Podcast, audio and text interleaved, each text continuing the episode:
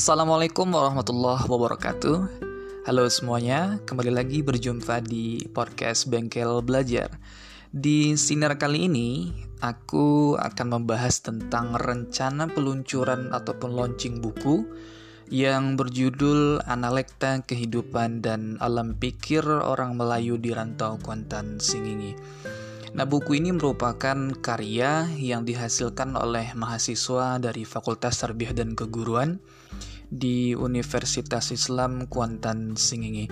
Nah, mahasiswa yang tergabung di dalam proyek ini merupakan alumni dari kelas menulis dan riset yang diselenggarakan oleh Badan Eksekutif Mahasiswa Fakultas Tarbiyah dan Keguruan tahun 2021 silam.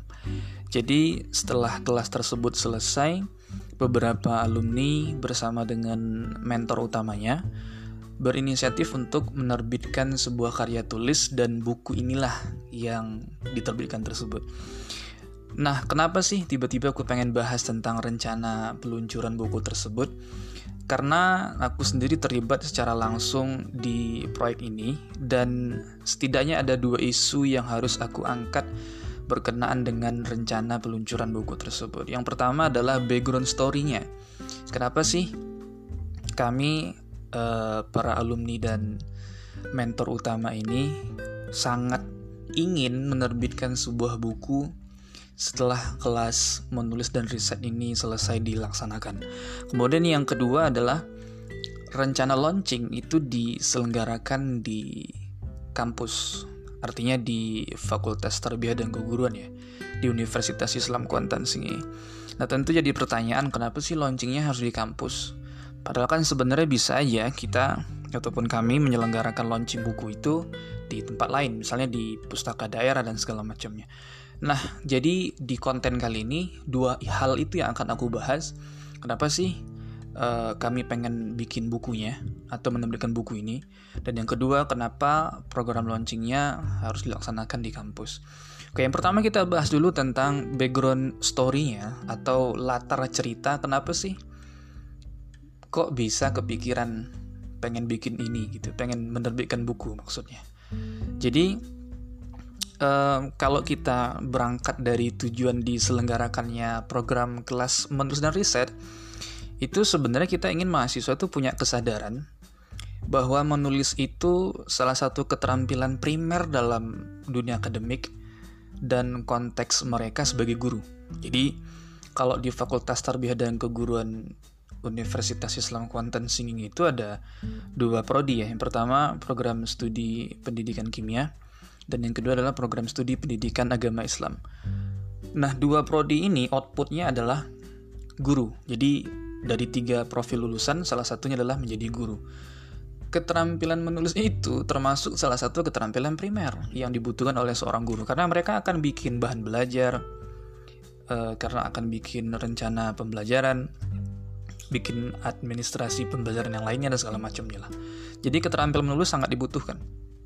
Dalam jangka pendek, menulis dibutuhkan karena aktivitas mahasiswa sendiri yang sebenarnya nggak lepas dari kegiatan menulis, mulai dari menulis makalah, laporan kegiatan, eh, bahkan sampai nanti yang paling akhir adalah ketika mereka harus menulis skripsi. Jadi kalau kalau seandainya mereka sampai hari ini belum punya kesadaran untuk mengasah kemampuan menulis, tentu sangat disayangkan sekali karena selama mereka kuliah maupun nantinya ketika mereka berada di dunia kerja, kalau kita bicara profil lulusan uh, yang dihasilkan ideal, yakni menghasilkan para guru-guru yang bekerja nantinya di sekolah-sekolah, otomatis mereka akan butuh keterampilan itu. Kemudian yang kedua adalah Tujuan dari adanya program kelas menulis dan riset adalah untuk menghidupkan budaya akademik di kampus, sehingga untuk menunjang lahirnya kualitas berpikir individual dan komunal yang bermutu. Jadi ada dua hal nih, individual dan komunal. Individual berarti masing-masing mahasiswa itu punya kemampuan berpikir yang ya bagaimana selaknya seorang mahasiswa gitu. Dan secara komunal artinya adalah secara komunitas. Gimana mahasiswa itu lazimnya dikenal memiliki kemampuan berpikir yang baik. Ya sebagaimana lainnya mahasiswa berpikir gitu. Jadi bukan budaya nongkrong atau budaya keluyuran. Nah kan kalau hari ini kalau kita mau jujur, justru budaya atau culture yang tumbuh bukan budaya akademik gitu, tapi budaya ngonten di medsos dan segala macam. Itu bukan berarti negatif ya, tapi aku lihat ini sebenarnya udah jauh dari apa yang mau kita uh, harapkan dari dari uh, kebudayaan yang harusnya ada di kampus gitu. Karena budaya kampus kan bukan budaya nongkrong gitu, tapi budaya akademik ya belajar, berpikir, berkarya, kemudian um, pengabdian dan penelitian.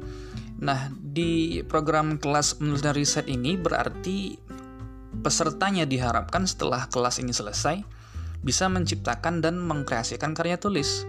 Jadi uh, harus ada kemudian bukti konkret dalam bentuk karya yang bisa diperlihatkan ini loh hasilnya kalau kita ikut kelas menulis ini.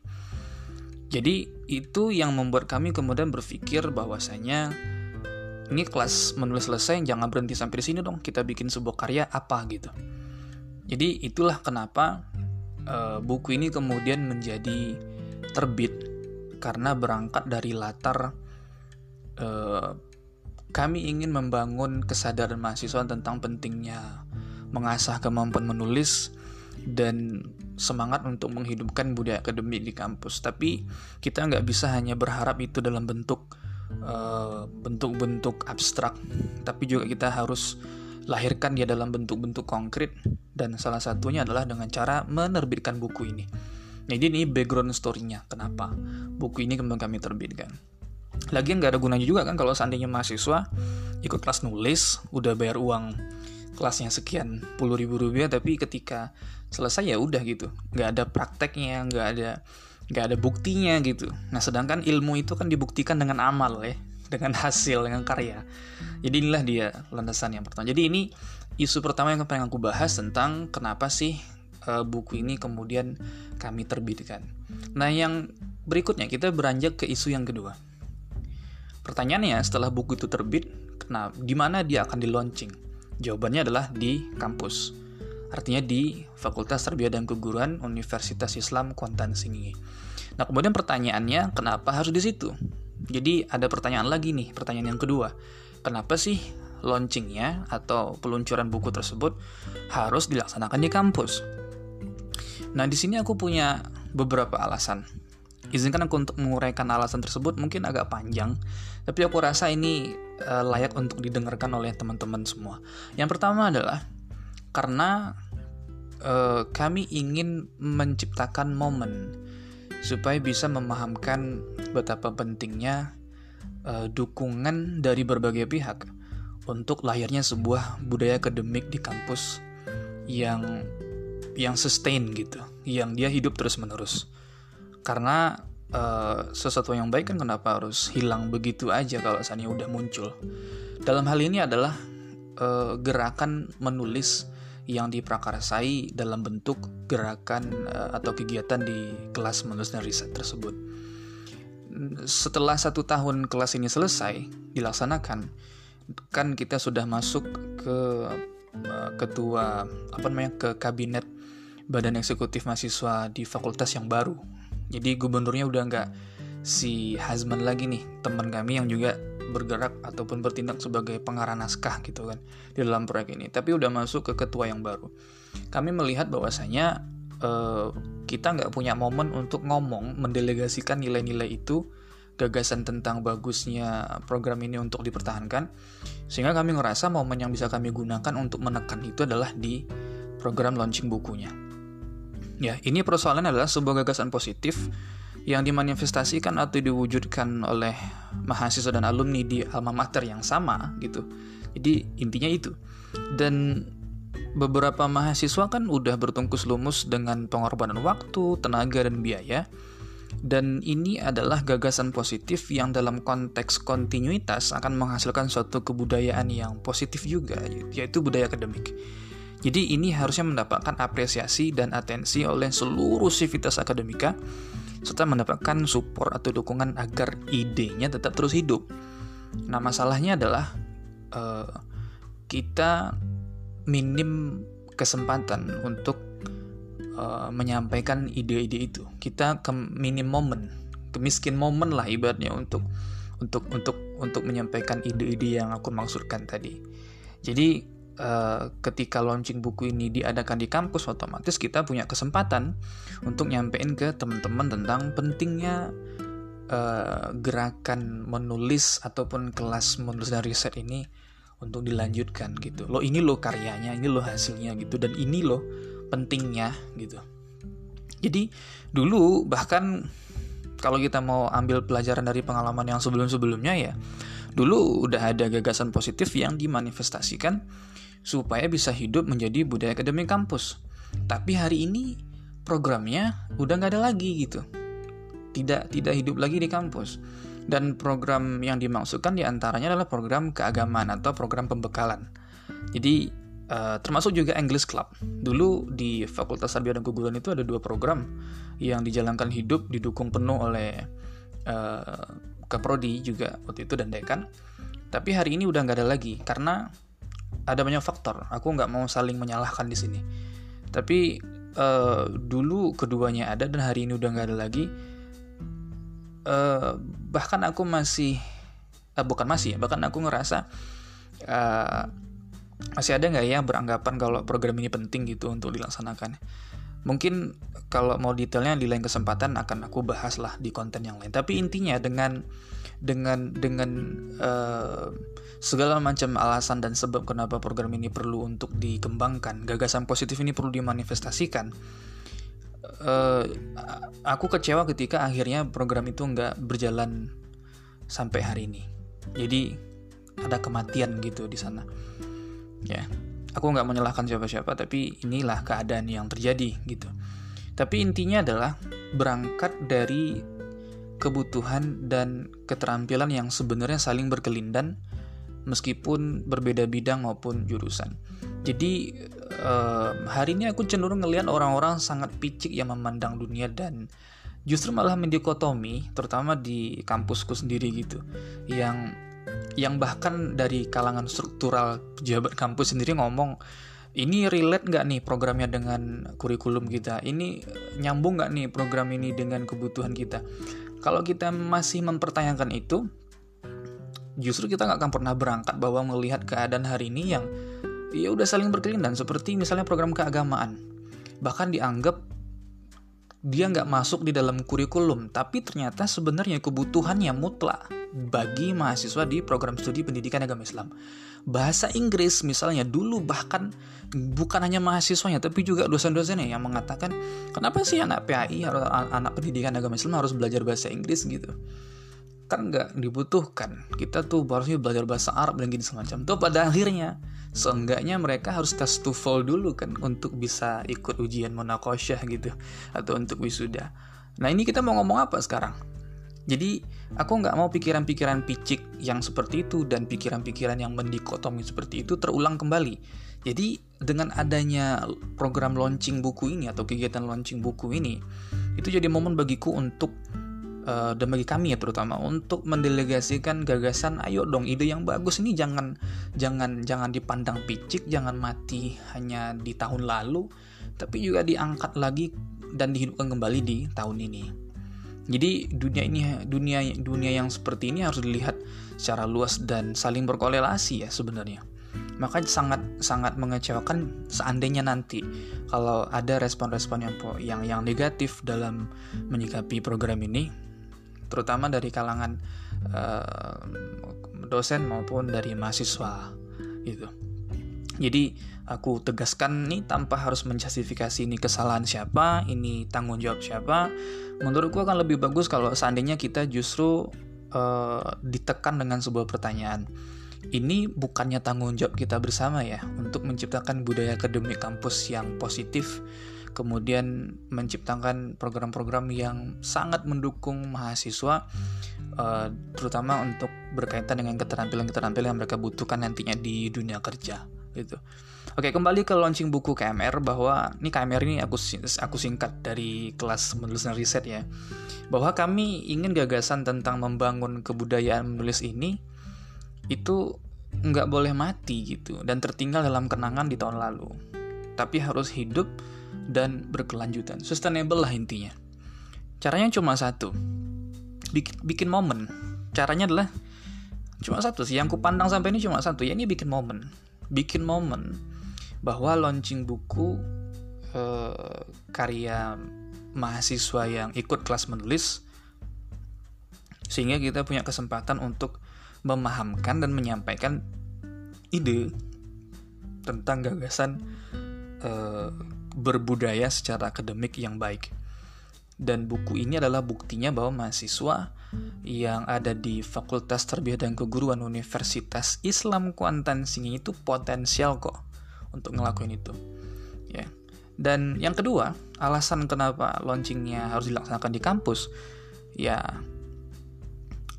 karena nantinya yang akan hadir adalah banyak pihak.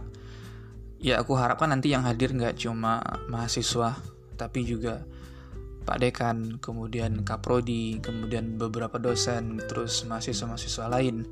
Sehingga ketika semua pihak hadir, aku bisa meng menyampaikan gagasan tadi secara luas di seluruh sivitas akademika di Fakultas Tarbiyah dan Keguruan ini. Dan di situ juga akan aku tekankan pentingnya bagi kita untuk membangun relasi yang hangat antara alumni, mahasiswa, dosen-dosennya, intinya antara alumni dengan alma maternya untuk proyek-proyek yang sifatnya kolaboratif. Jadi sinergi antara alumni dengan alma mater itu penting ya terlebih di fokus-fokus utama seperti KKN, PPL, asistensi mengajar dan lain sebagainya. Termasuk di proyek-proyek kolaborasi penerbitan buku yang digagas oleh uh, alumni kelas menulis dan riset ini. Jadi di sini alumni bisa bonding. Alumni di sini maksud aku uh, mahasiswa-mahasiswa yang udah lulus itu bisa bonding dengan memperkuat persatuan dan cakupan luas pergaulannya sehingga mahasiswa bisa mengembangkan daya potensial mereka untuk berkarya maupun mengasah keterampilan yang lebih kuat lagi, yang lebih bagus lagi. Sinergi dan relasi antar individu alumni, alumni dan dosen itu memang udah ada sebenarnya, tapi yang kita bicarakan ini konteksnya secara komunal ya, bukan individual. Karena sampai aku lihat yang yang aku lihat sampai hari ini adalah relasi antara mahasiswa, alumni, dan dosen itu terjadi lebih kepada konteks individual, bukan konteks komunal. Artinya adalah, ya ini antar pribadi aja gitu. Nah jangan sampai ketika kita ada maunya, ini salah satu pihaknya baru ada maunya, misalnya kampus mungkin ada perlu dengan alumni, atau alumni baru ada perlu dengan kampus, barulah baik-baikin gitu baru di baik-baikin kalau ngomong gitu kan baru baru baru kontak-kontakan gitu. Ini kan nggak bagus sebenarnya gitu. Baru kasak kusuk ketika ada sesuatu yang dibutuhkan itu kan nggak bagus buat relasi yang sehingga ke sana nanti ya walaupun sebenarnya transaksional gitu tapi ini nggak bagus aja untuk meng, untuk membangun uh, relasi yang bisa yang kalau seandainya benar-benar dibangun dengan dengan hangat itu kan menghasilkan uh, proyek-proyek kolaboratif yang lebih wah lagi gitu. Nah apalagi kan untuk mahasiswa sebenarnya mereka butuh loh eh, alumni-alumni uh, yang sudah lulus ini untuk jaringan pergaulan kan gitu. Jaringan komunikasi pergaulan ya siapa tahu nanti bisa membantu mereka di masalah karir gitu. Demikian juga dengan alumni sebenarnya yang cocok memanfaatkan momen ini sebagai momen untuk menjaring eh, calon-calon uh, partner mereka mungkin dan segala macamnya maka satu-satunya kesempatan yang bisa aku gunakan untuk menyampaikan gagasan tersebut adalah ya di launching buku ini. Karena uh, uh, karena gini, karena di sini Civitas akan melihat secara nyata bukti yang dihasilkan dari sinergi maupun relasi yang hangat antara mahasiswa aktif dengan alumninya. Aku sendiri alumni di fakultas tersebut dan buku ini merupakan bukti nyata bahwa uh, adanya relasi yang hangat antara aku dengan mahasiswa yang terlibat di program ini. Ini baru kami aja segini yang yang yang jumlahnya nggak seberapa gitu. Kalau seandainya relasi ini dibangun secara komunal, hangatnya secara komunal, aku yakin kita bakal bisa bikin program yang lebih wah lagi gitu. Dan sebagai penutup, buku ini merupakan buku pertama yang dihasilkan oleh mahasiswa dan alumni di program studi pendidikan agama Islam Fakultas Tarbiyah dan Keguruan Universitas Islam Kuantan Singi. Aku garis bawahi ya, pertama. Jadi hal ini menurutku harus diapresiasi dan kebanggaannya harus dipelihara agar tetap hidup. Karena kalau seandainya ada apresiasi dan kebanggaan tersebut dipelihara, orang-orang akan semangat untuk berkarya secara positif. Kalau seandainya enggak, maka orang-orang akan mengapresiasi dan merasa bangga karena telah mempraktikkan budaya apa gitu. ya kan? Jadi ketika orang bisa bikin sebuah karya tulis diterbitkan, itu harusnya mendapatkan kebanggaan dan apresiasi dan itu dipelihara gitu. Karena kalau enggak ya itu tadi yang gue bilang kita mau mengapresiasi apa dan kita mau bangga dengan apa. Budaya joget-joget di aplikasi bermusik gitu. Ya enggak juga kan. Jadi wajar sih kalau seandainya hari ini banyak yang dari kalangan mahasiswa maupun bahkan dari strukturnya sendiri yang nggak mengapresiasi dan nggak peduli dengan budaya akademik itu gitu. Karena harus ada support yang real. Kebanggaannya dipelihara. Hari ini kan kita nggak punya itu. Jadi lantas gimana kalau seandainya uh, ada yang bilang kayak begini, ini kan program BEM yang di periode sebelumnya, dan ini kan bisa jadi cuma kepentingan pribadi dari sekelompok orang gitu. Dan kenapa sih alumni-alumninya pada cerewet untuk untuk ikut campur urusan yang begini? Nah, aku pertegas bahwasanya ini persoalannya bukan uh, jabatan BEM yang dahulu dengan yang sekarang. Ini bukan persoalan uh, alumni atau bukan, tapi ini persoalan sebuah ide yang positif dan ide ini harus sustain. Dia harus hidup, diwariskan dan diperjuangkan.